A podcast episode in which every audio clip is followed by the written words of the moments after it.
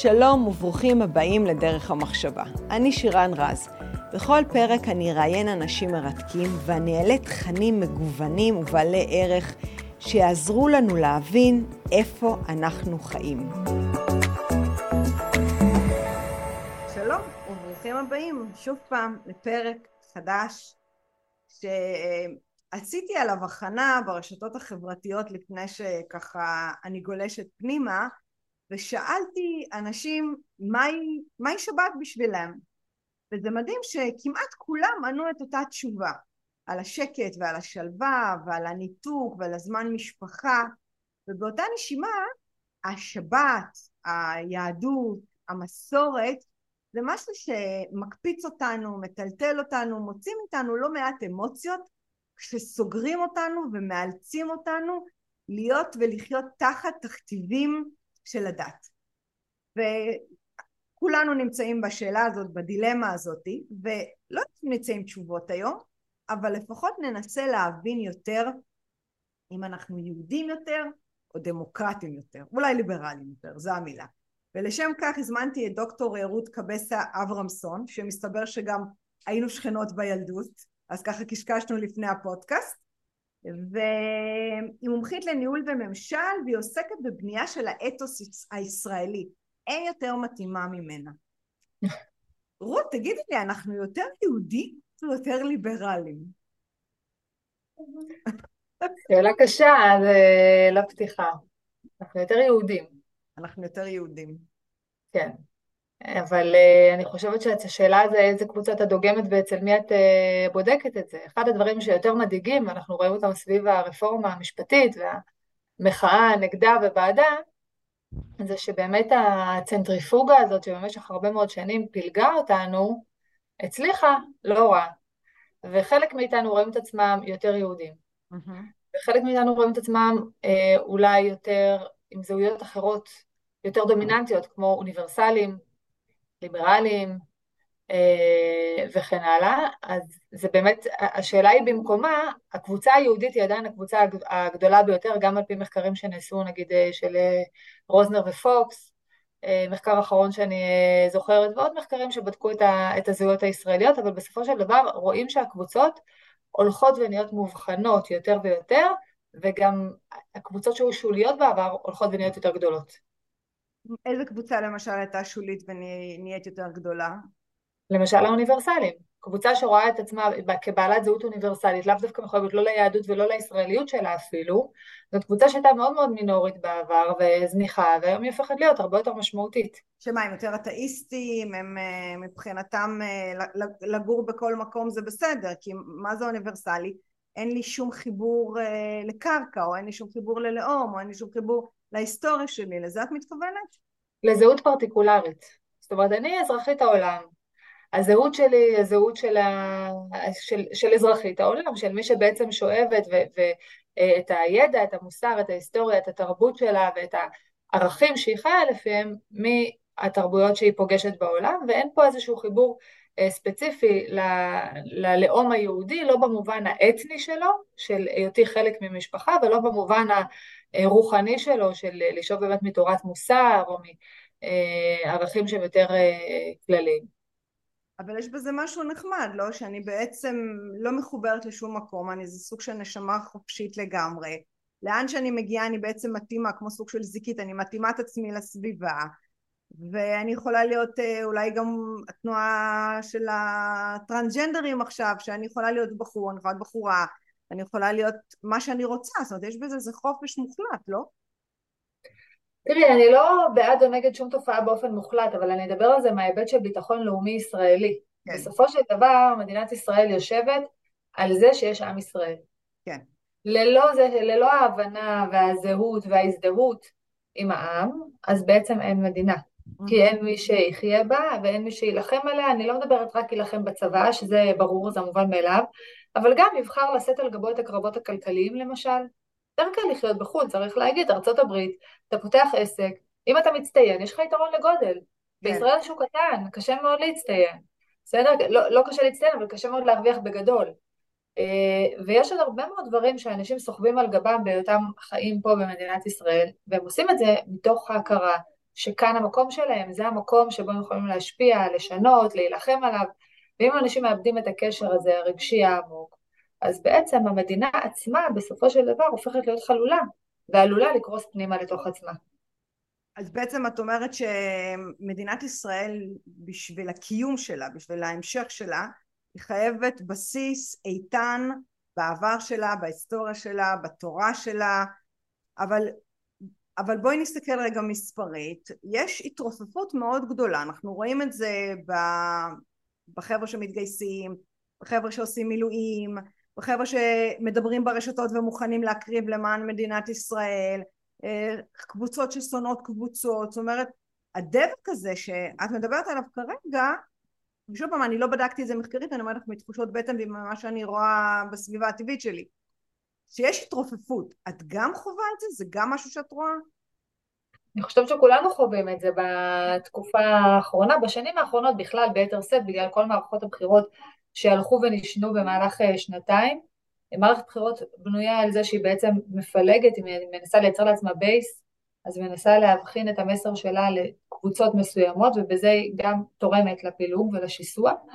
אה, וגם אה, אחרי שהוקמה הממשלה הקודמת, ממשלת בנט-לפיד, היה מאבק מאוד גדול על הממשלה, וגם אחרי שהוקמה הממשלה הנוכחית, ממשלת ה-64 ימין מלא מלא, גם כאן יש מאבק מאוד מאוד גדול שאנחנו רואים אותו ברחובות.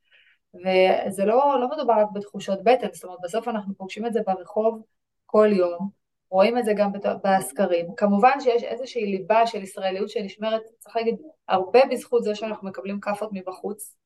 כל מבצע מחזיר אותנו פתאום רגע לעצמנו ואומר שנייה שנייה אנחנו לא יכולים לפרק פה את ה... לא יכולים לריב בינינו עד כדי כך שהסירה הזאת חלילה תתפרק כי אנחנו ניפול לים אבל, אבל בסוף אם את שואלת אם יש משהו חיובי שבעצם מייצר איזשהו כוח מניע לעתיד, להמשך, אני חושבת שפה יש לנו בעיה מאוד אה, רצינית.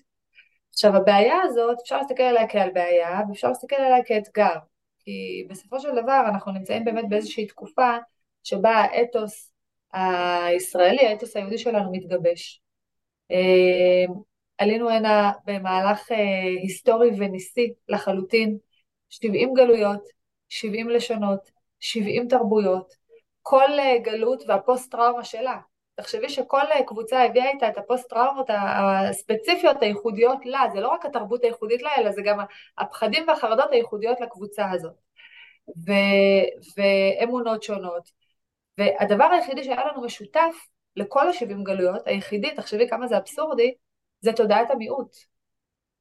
זאת אומרת, זה לא משנה מאיפה עלית, אתה ידעת שאתה קבוצת מיעוט, בדרך כלל על פי רוב, נרדפת, כן. ושאתה לא מתעסק עם השלטון.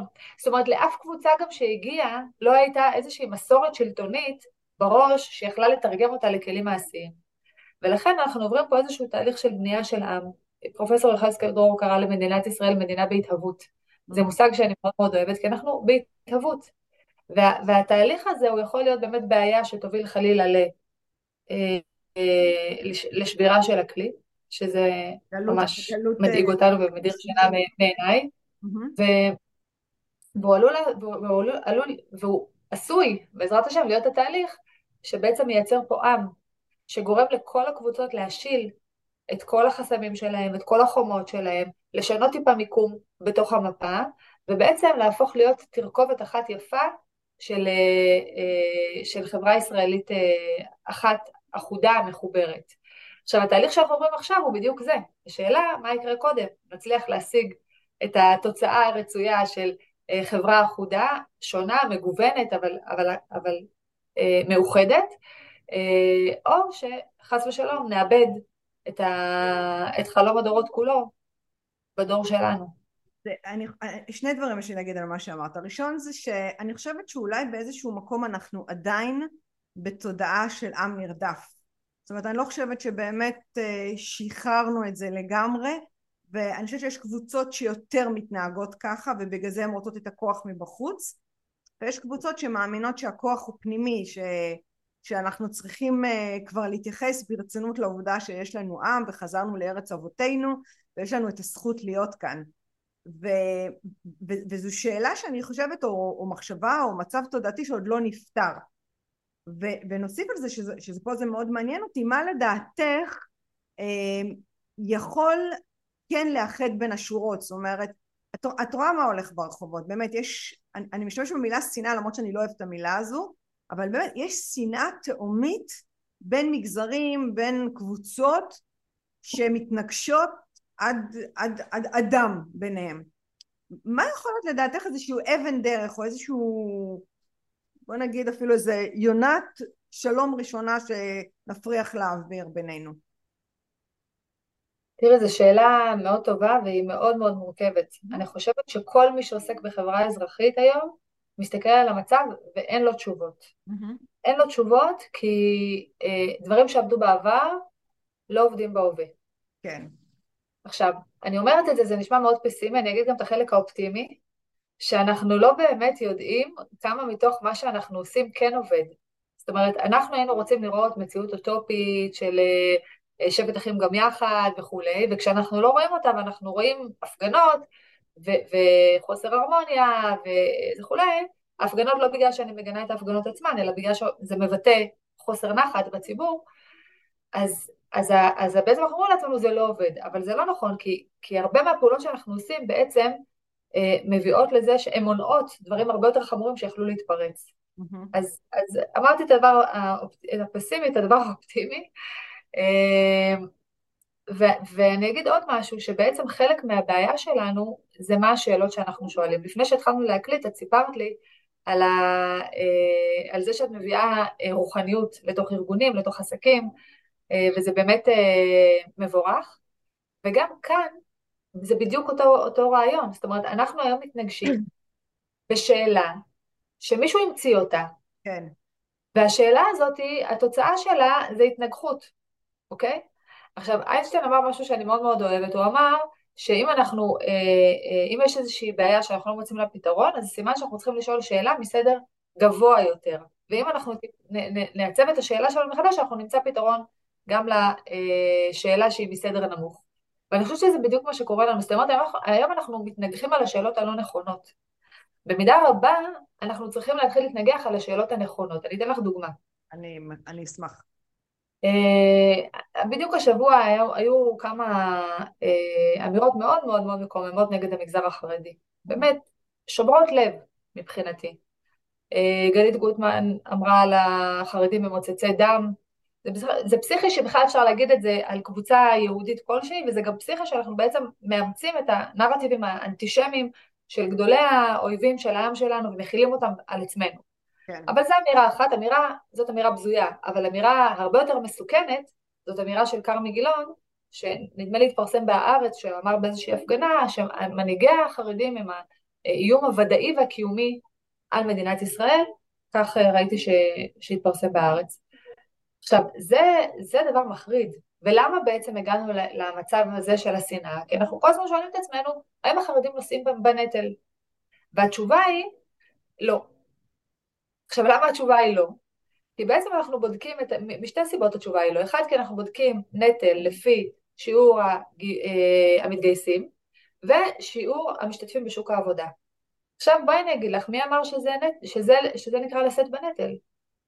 מי אמר, מי, מי קבע בשיח שלנו של לשאת בנטל, זה רק שיעור ההתגייסות לצבא. מי אמר שלהיות אה, אה, פקידה במקום כלשהו בצבא זה יותר חשוב מלחלק אוכל לנזקקים בבית חולים? מי אמר שלהיות בעיתון במחנה זה יותר חשוב מלהיות אה, אה, מתנדב בזק"א?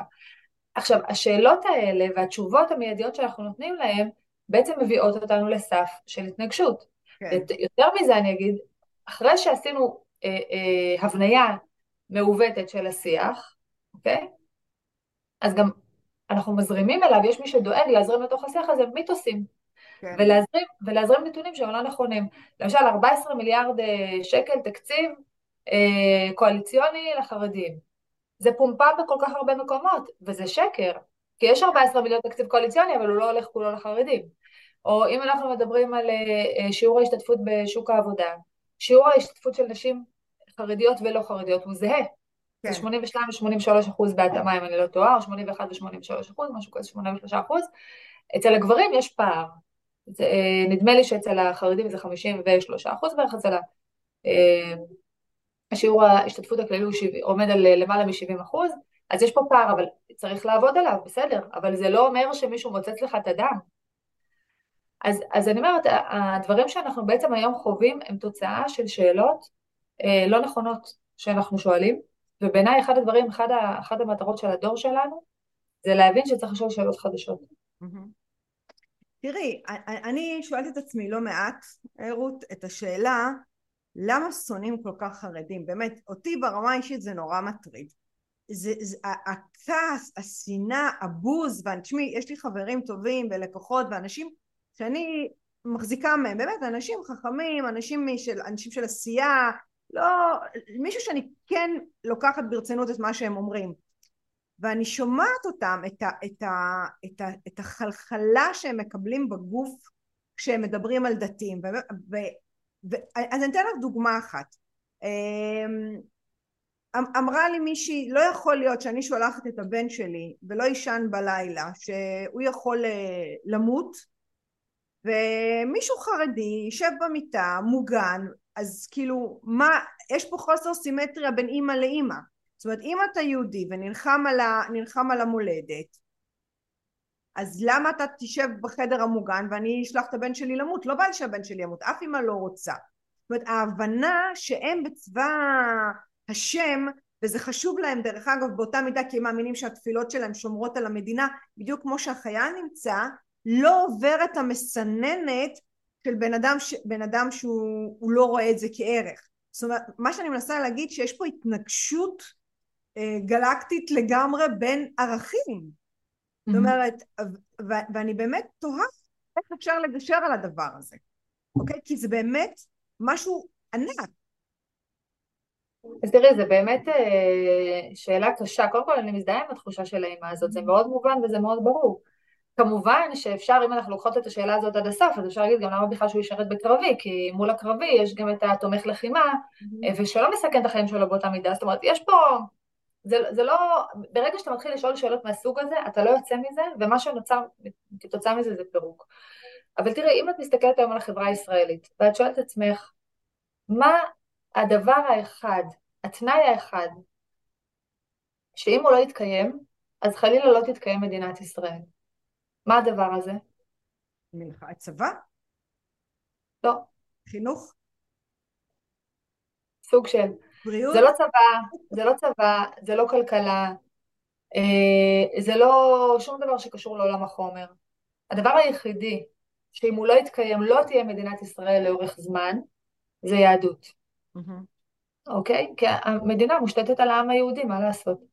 עכשיו, אני לא מייתרת, אני לא באה לייתר את החשיבות של צבא ושל כלכלה, אה, אני בעד, חשוב לי, אני לא, לא, לוקחת חלק, מחנכת את הילדים שלי לזה וכולי.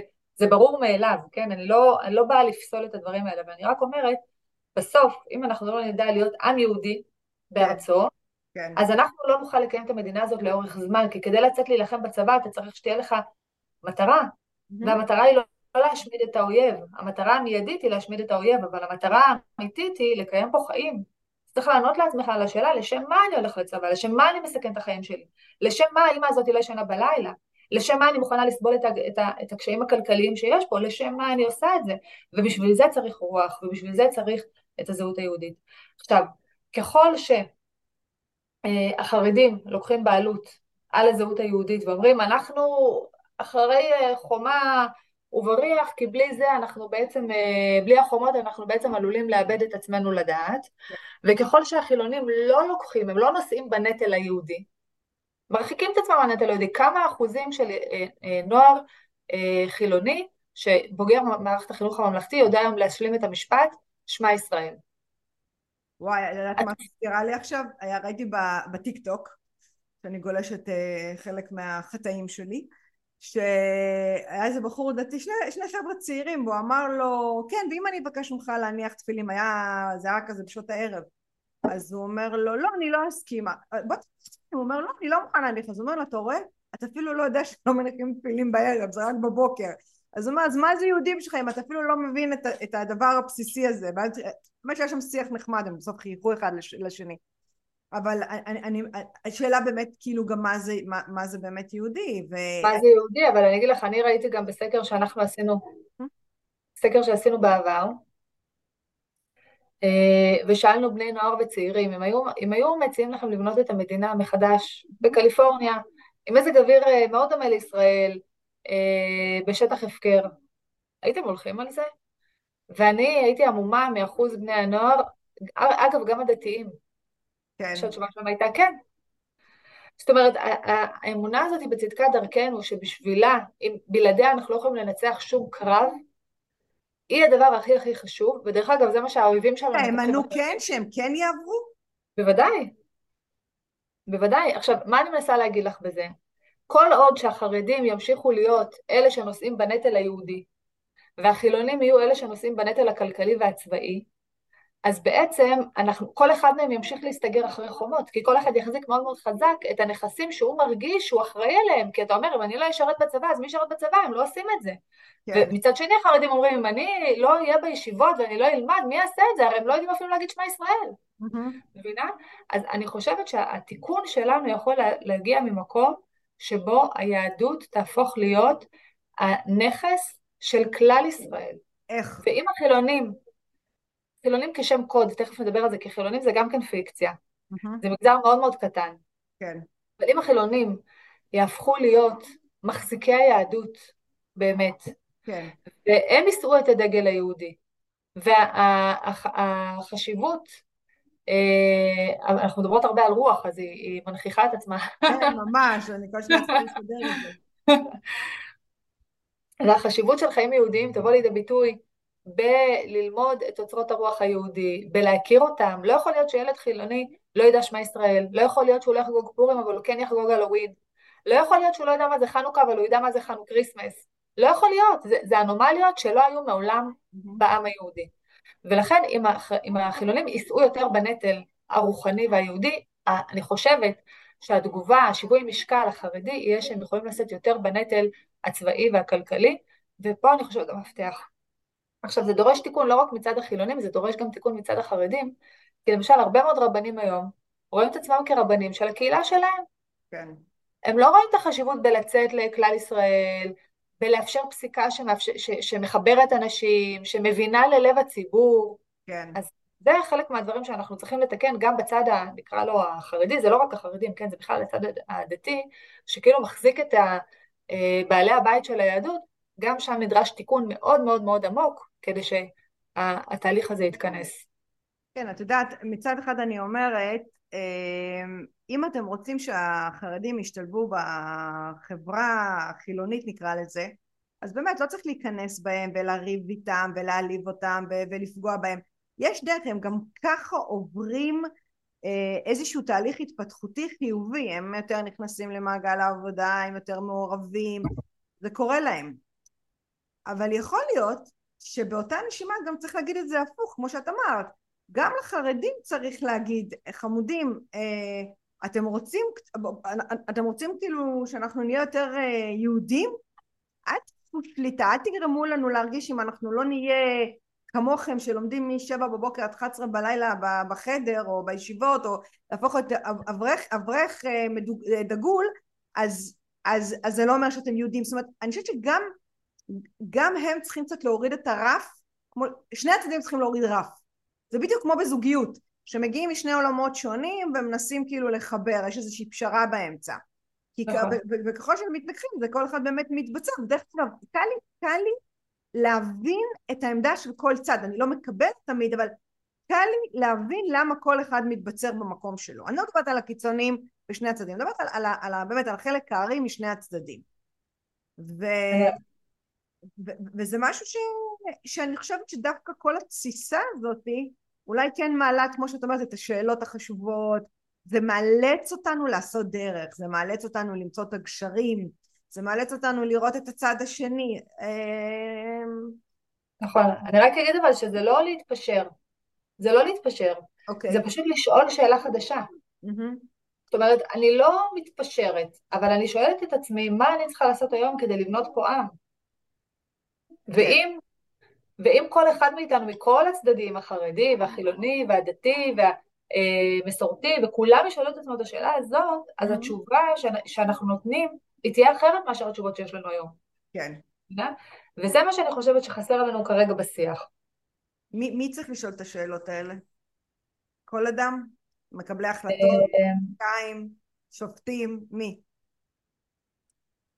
קודם כל כולנו, כל מי שאכפת לו, כל מי שדואג, כל מי שיש לו את הכלים. תראי, לעשות את הדיון מהסוג שאנחנו עושות עכשיו זה פריבילגיה. Mm-hmm. צריך להגיד, אנחנו יושבות פה עכשיו באמצע היום, ונעלות דיון ברומו של עולם. נכון. רוב האנשים כרגע נאבקים על, ה... על הפרנסה שלהם Mm-hmm. במקום עבודה, אה, ולא בטוחים אפילו שהם יגמרו את החודש. אה, אז מי שיכול לעשות את הדיון הזה זה כל מי שיכול. כל מי שיכול, כן. בוודאי המנהיגות שלנו. הבעיה שהמנהיגות שלנו במידה רבה שבויה באמת בתודעה אה, של דור ישן. ואחד הדברים ש, שצריכים לקרות זה שגם ה, שהחברה האזרחית תזין את השאלות החדשות האלה לתוך המערכת, הפוליטיקאים, המנהיגים מכל הסוגים יאמצו את השאלות האלה וזה יהפוך להיות חלק מהסיפור. כן. אז בואי ככה במעבר חד נדבר על שני דברים. אחד אני רוצה לדבר על המערכת חינוך והדבר השני אני רוצה לדבר על השבת. אנחנו לא נסיים את הפודקאסט הזה בלי לדבר על השבת. אוקיי. Okay. עכשיו, אני, אני, יש לך אה, ארבעה ילדים שיהיו בריאים, כנראה כולם בבתי ספר, אז את מכירה את מערכת החינוך יותר טוב ממני. אה, דברי אליי קצת, מה קורה במערכת החינוך, איפה אנחנו מפספסים את הערכים, איפה אנחנו הופכים להיות, האם אנחנו הופכים להיות נהנתנים יותר, אגואיסטים יותר, אינדיבידואליסטים יותר, או הפוך. Uh, תראי, אני חושבת שבאמת מערכת החינוך זאת נקודה ממש ממש כואבת, כי כל מה שדיברנו מקודם, איפה הוא מתהווה? איפה מתהווה הבורות, השנאה, הגזענות, מלכל, מכל הצדדים, מכל המגזרים. חינוך בבית וחינוך בבתי, בבתי הספר. נכון, החינוך בבית מילא כי את לא יכולה לשלוט בו, אבל החינוך במערכת החינוך את משלמת עליו. כן. ואז יוצא לך בוגר, בור, בור לגמרי, בנושאים מסוימים, במערכת X, ובמערכת השנייה הוא יוצא בור בנושאים אחרים. וזה לא יכול להיות. כי בסופו של דבר זה אומר שהמדינה מפרקת את עצמה לדעת. היא מייצרת פה עמים שונים, שיש להם אתוסים שונים, mm-hmm. יש להם תודעות שונות לחלוטין, יש להם שפות שונות, יש להם פרקטיקות שונות, וזאת הבעיה העיקרית היום במערכת החינוך. עזבי את כל היתר של מה שקורה שם, כל הדברים שאת הזכרת, yeah. זה כן. רק אחר כך, אני רוצה, אני רוצה לשים, לשים את הזרקור על זה. Mm-hmm. היום המצב הוא כזה שהפוליטיקאים שלנו, המנהיגים שלנו, לא מסוגלים, בגלל המבנה של, ה, אה, של מערכת החינוך, לא מסוגלים לשנות את המבנה. כן. ואז זה אומר שאנחנו דוהרים ממש לפירוק של החברה באמצעות כסף ציבורי ומערכות החינוך הציבוריות. זה דבר, זה אבסורד שהוא פשוט בלתי נתפס.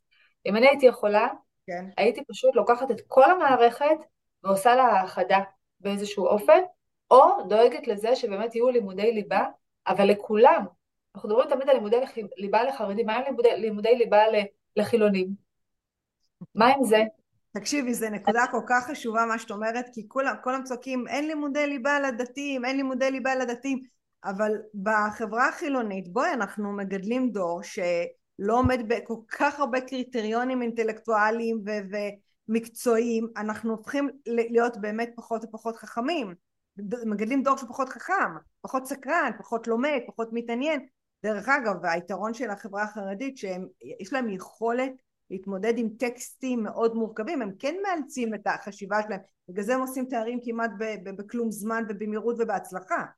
אה, היה לא מזמן אה, בנות שלמדו ראיית חשבון, דתיות חרד, ממגזר חרדי, סיימו בהצטיינות, כל הבנות שם, איך יכול להיות? כי כן, יש להם איזה שהם כישורי לימוד שפחות לדעתי מובנות בחברה החילונית.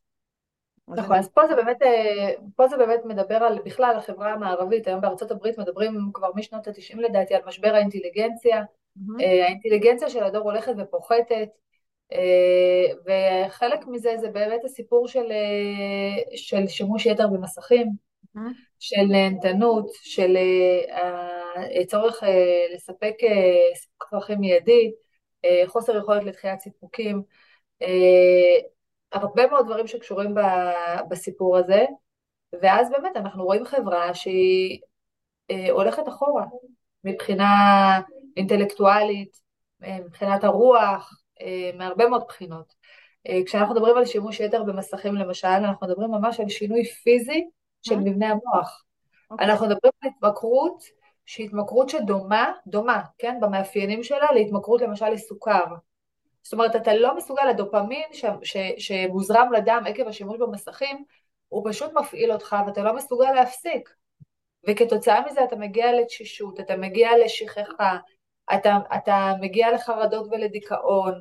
אנשים מגיעים באמת לסף מאוד קיצוני עקב השימוש בסמארטפונים, והיום הם כבר נמצאים שורצים בכל כיתה במערכת החינוך, וזה גם משהו שמערכת החינוך לא עומדת מולו ולא שמה לו גבול.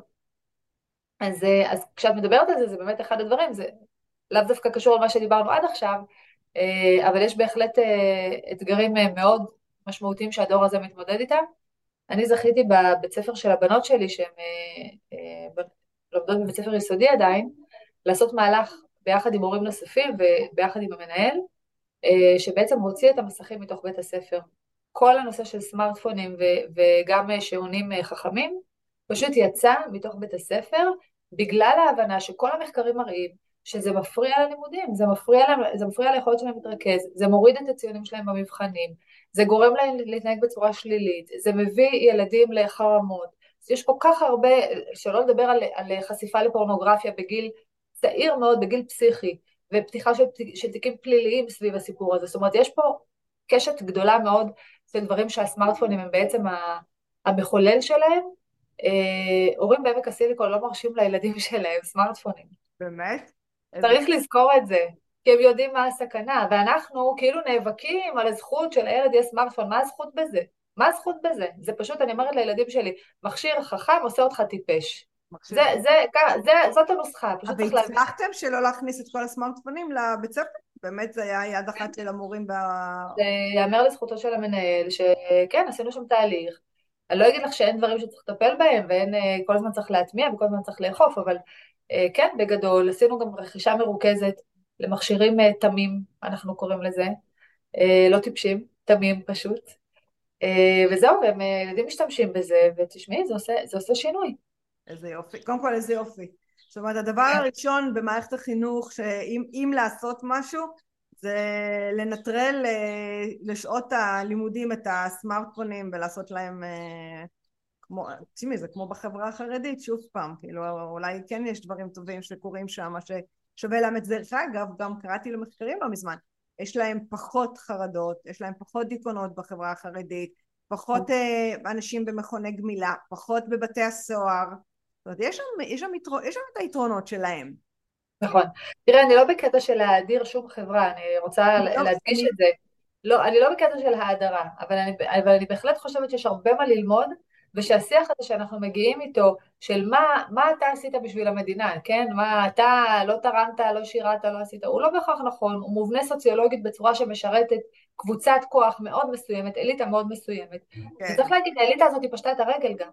כן. היא לא תוכל להוביל אותנו לדור הבא. אז אולי כדאי שנהיה קצת יותר קשובים וקצת יותר צנועים ונלמד גם מקבוצות אחרות בחברה. אני לקחתי את המשפט הזה, האליטה פשטה את הרגל, בוא נחשוב מחדש עכשיו, אין אף קבוצה שיכולה להוביל, בוא נראה איך אנחנו מובילים יחד. אני מאוד מתחברת לזה. אה, ו- וכמו שאמרתי בהתחלה, ואני לא אוותר על השיחה, הכל... על השבת. על השבת. כן, שבת קודש כפרה עליה. למה שבת? מה, למה, למה זה כל כך היה חשוב לך להוביל את זה, לדבר על זה? אה, הרי לכאורה זה דבר כל כך... אה, ברור מאליו, כל כך אה, טבעי לאנשים מסוימים שכן שומרים וכאלה שלא מוכנים לשמור ולא יוותרו על החוף ים עם האבטיח והגרעינים בשבת. כן. תראה, אני הגעתי לשבת באמת מתוך אה, עיסוק באתוס הישראלי. לא הגעתי לשבת מתוך איזה רצון אה, לעשות פה החזרה בתשובה המונית או זה, ממש מתוך זה שחיפשתי מה הערכים היהודיים המרכזיים שמקיימים את המדינה הזאת ויעזרו לנו בעצם לחזק את הבסיסים המשותפים שלנו כאן. ואחד מהם, המרכזי שבהם למעשה זה שבת, צריך להגיד, וגם כמו שהיא שימרה אותנו בגלות, היא גם משמרת אותנו פה.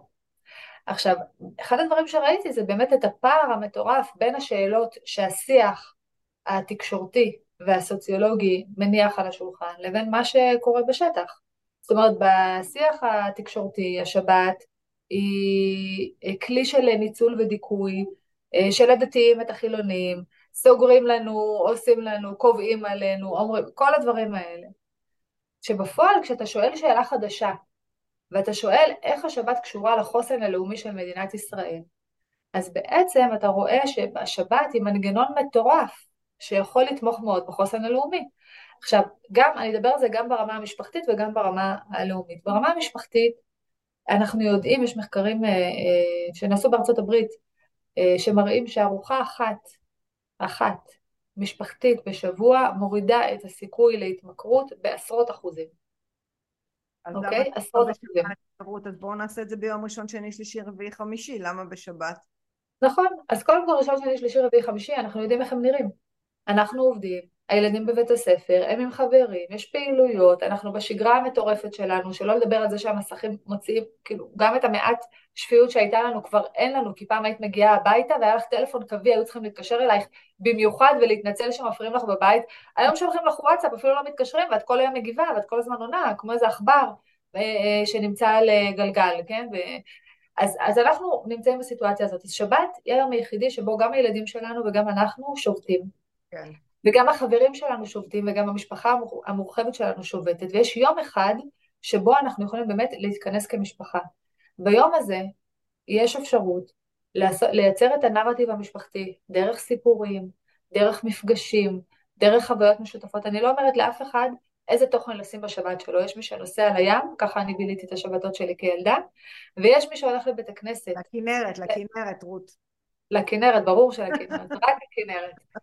ו- ויש מי שהולך לבית הכנסת, ושניהם בסדר. אני לא מטיפה לאף אחד מה התוכן שהוא עושים בשבת, אבל אני חושבת שאם בן אדם בונה את החיים שלו בכלל, לא רק המשפחתיים, אלא את החיים שלו סביב השבת, אז בעצם, זה כמו המודל הקבלי של השבת. יש לך השבת היא כמו הקנה המרכזי במנורה, והיא מאירה שלושה ימים מזה ושלושה ימים מזה.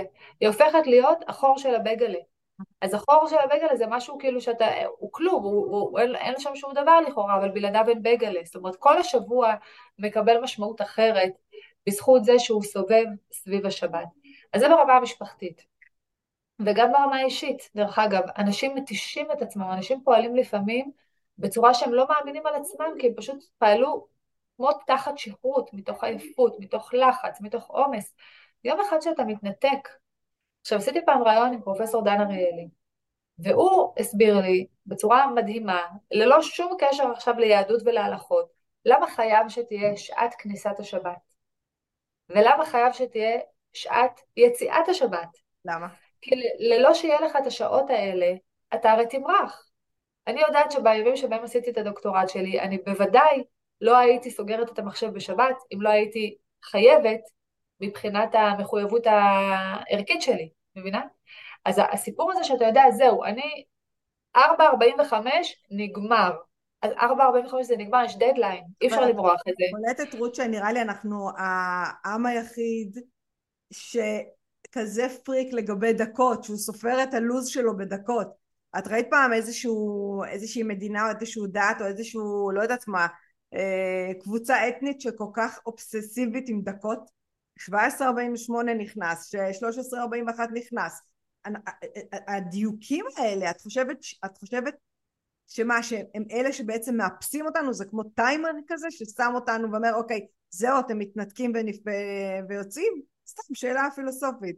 תראה, אני, אני אגיד לך משהו, אני עוד פעם, לא רוצה, זה לא הטפת מוסר לאף אחד לגבי מה שהוא עושה. מי שרוצה לחגוג את השבת חורף וקיץ בשעה שבע בערב, אני לא, אני לא מתנגדת לזה, בסדר? אבל אני אגיד לך, אני עשיתי פעם ניסוי עם עצמי. וגיליתי שכשאני יושבת על הספה ובא לי להתאייד, ואני רגע שמה את עצמי בתוך הפייסבוק למשל, כן. אוקיי? מה זה חמש דקות. כן. אני יושבת פה. אז, אז זה ממש מעניין, גיליתי שכל שבע דקות שאני יושבת על הרשתות, כן. נטו שבע דקות הופכות להיות שעה בפועל. כי זה לא שאתה מסיים אותם ואז אתה מתחיל לעשות משהו אחר, זאת אומרת, אני, אני דווקא מאוד אוהבת את זה שלכל דקה יש משמעות. כן. ואתה מבין שכל רגע הוא, הוא, הוא חשוב. עכשיו, אני לא רוצה לסיים רק בשבת הפרטית, אני רוצה גם לדבר איתך על השבת הלאומית, כי באמת, אחד הדברים ש, שראינו זה ששבת היא גם הזדמנות לייצר לכידות חברתית. זה מה שקרה לאורך כל שנות ההיסטוריה של העם היהודי. אנשים שובתים בשבת ולכן הם נפגשים בשבת. כשאתה נפגש אתה מייצר אמון, אתה מייצר חוויות חיוביות, אתה מייצר לכידות חברתית, אתה מייצר, אתה מייצר חוסן חברתי, וזה דברים שהם מאוד מאוד חשובים אה, לעם שלנו. דבר נוסף, השבת היא יום של שמיטה, השבת היא זכר למעשה בראשית, זה יום של הפחתת צריכה, זה יום של הפחתת זיהום אוויר. זאת אומרת, אנחנו, יש כל כך הרבה ערכים בשבת שהיום אנחנו נאבקים עליהם כאילו בזירות אחרות. אני אומרת, אם רק כל הכתבים שעסוקים ב, בירוק ובזה היו נאבקים על השבת ולא נאבקים בשבת, תארי לך איזה ערך מוסף היינו משיגים פה. והדבר האחרון זה באמת, השבת היא גם איזושהי הזדמנות אה, אה, להעלות את הפריון הכלכלי במשק. השקר שמוכרים לנו זה שככל אה, שאנחנו עובדים יותר אז אנחנו משיגים יותר. אבל אנחנו יודעים שהפריון לא עובד ככה. מעבר לנקודה מסוימת אתה מגיע לפיק שממנו אתה הופך להיות לא יעיל והגרפים יורדים. את כמי שמגיעה בעולם העסקי והכלכלי בטח מכירה את זה. הגרף יורד כי אתה שחוק, אתה כבר לא יצרני. תקשיבי, כשעשיתי תואר ראשון בכלכלה, באמת, בשיעורים הראשונים הראו לנו את הגרפים האלה. זאת אומרת, זה משהו שהוא כל כך ברור, כל כך הרבה שנים, שיש לנו נקודה מסוימת שאנחנו מפסיקים להיות יעילים, ואז יש לנו נפילת סוכר ועושים הפסקה, ואז יש לנו קשקשת ברשת, ונכנסים רגע לרשתות, ובואו מחפשים עבודה בלינקדאין. כאילו, אנחנו עושים המון דברים שאנחנו כבר מפסיקים להיות באמת אה, תפוקתיים. נכון. עכשיו, העולם עובר לארבעה ימי עבודה. זה קורה. זה לא פנטזיה, זה קורה, כבר יש פיילוטים אה, אה, גם בעולם וגם בישראל התחיל אה, השנה פיילוט שהוא מדיד והוא חלק מממש מגמה בינלאומית, אז אנחנו נעבור לארבעה ימי עבודה בשבוע. אז אני אומרת, אם אנחנו יכולים לקחת את השבת לא כמקור למחלוקת של מי קובע, מי כופף את היד למי, מי קבע על מי, כן. אלא השבת כהזדמנות לאומית לייצר חוסן לאומי, לייצר ערך אה, כלכלי באמצעות מנוחת השבת, לייצר אה, אה, סביבה שהיא יותר מקיימת. אם אנחנו לוקחים את השבת, את הערך היהודי האדיר והדגול הזה שאנחנו הורשנו לכל העולם, ומסתכלים עליו בצורה כזאת, אנחנו הרי נוכל להבנות אותה בצורה כל כך הרבה יותר חכמה, מאשר איך שאנחנו אה, אה, מבנים אותה היום, ובמקום שהיא תהפוך להיות הצנטריפוגה של העם, היא יכולה להפוך להיות בדיוק הפוך, האבן השואבת שבונה את העם הזה כמו שהיא בנתה אותו לאורך כל הדורות. אז תקחי מהשבת ותראי מה אני חושבת בכלל על היהדות, שבאמת לקחת את היהדות כ- כפלטפורמה שהיא הסיבה העיקרית לקיום שלנו פה. בלעדיה אין לנו תשובה לשאלה למה לא אוגנדה. אין, בלי היהדות. בלי לדבר על אברהם אבינו שהובטחה לו הארץ בברית בין הבתרים, אין מה לדבר על מדינת ישראל, צריך להבין את זה. וגם אם אני לא בן אדם מאמין, ואני את, אתאיסטית גמורה, וזה בכלל לא משנה, יש פה אוצרות רוח ומוסר והיסטוריה שאנחנו חייבים לשאוב מהם כדי לקיים את המדינה הזאת, ופה זה באמת אחריות של כל המגזרים. גם חילונים שאומרים לי כמו בתסמונת טורט, אבל החרדים, אבל החרדים. אז אמרתי להם, מה זה מעניין אותי מה החרדים עושים? מה האחריות שאתם לוקחים על זה? מה אתם מלמדים את הילדים שלכם? מה אתם מעבירים לדור הבא? קחו אחריות, זה ייראה אחרת. ואותו דבר אני אומרת לחרדים, שאומרים, אבל תוקפים אותנו. נכון, תוקפים אתכם, אבל מה אתם עושים כדי לשנות את המצב?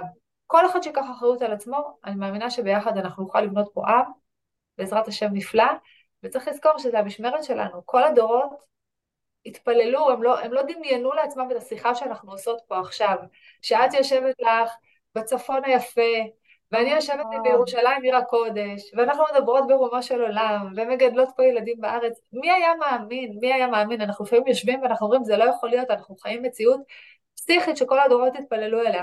אז יש לנו את האחריות לשמור עליה גם. ואת יודעת, אה, אני, הפודקאסט אחרייך יהיה שאני אקליט עם אה, אביגדור קהלני, גיבור ישראל. איזה כיף לך. קודם כל כיף לי, אני מרגישה שזו זכות גדולה.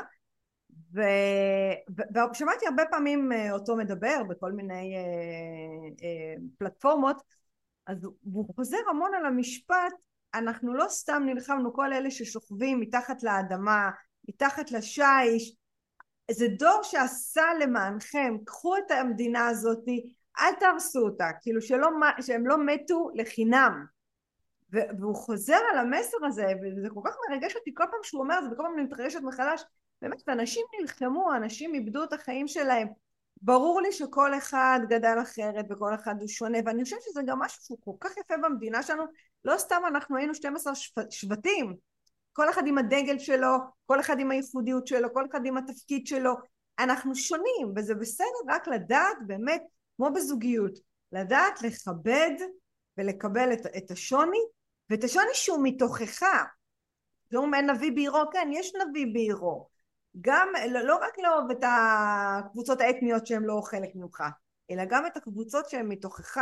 ואני חושבת שפה זה באמת, זה, זה השיעור שלנו, ותשמעי, לא סתם רציתי לראיין אותך, ולא לראיין אותך, אני לא מראיינת אותך, אני משוחחת, משוחחת איתך, לדבר איתך, אה, להקשיב, לשמוע, ואני באמת מקווה שאם זה יחלחל קצת, ואפילו באחוז אחד, אז אה, זה שווה את זה. אמן. תודה רבה על ההזדמנות.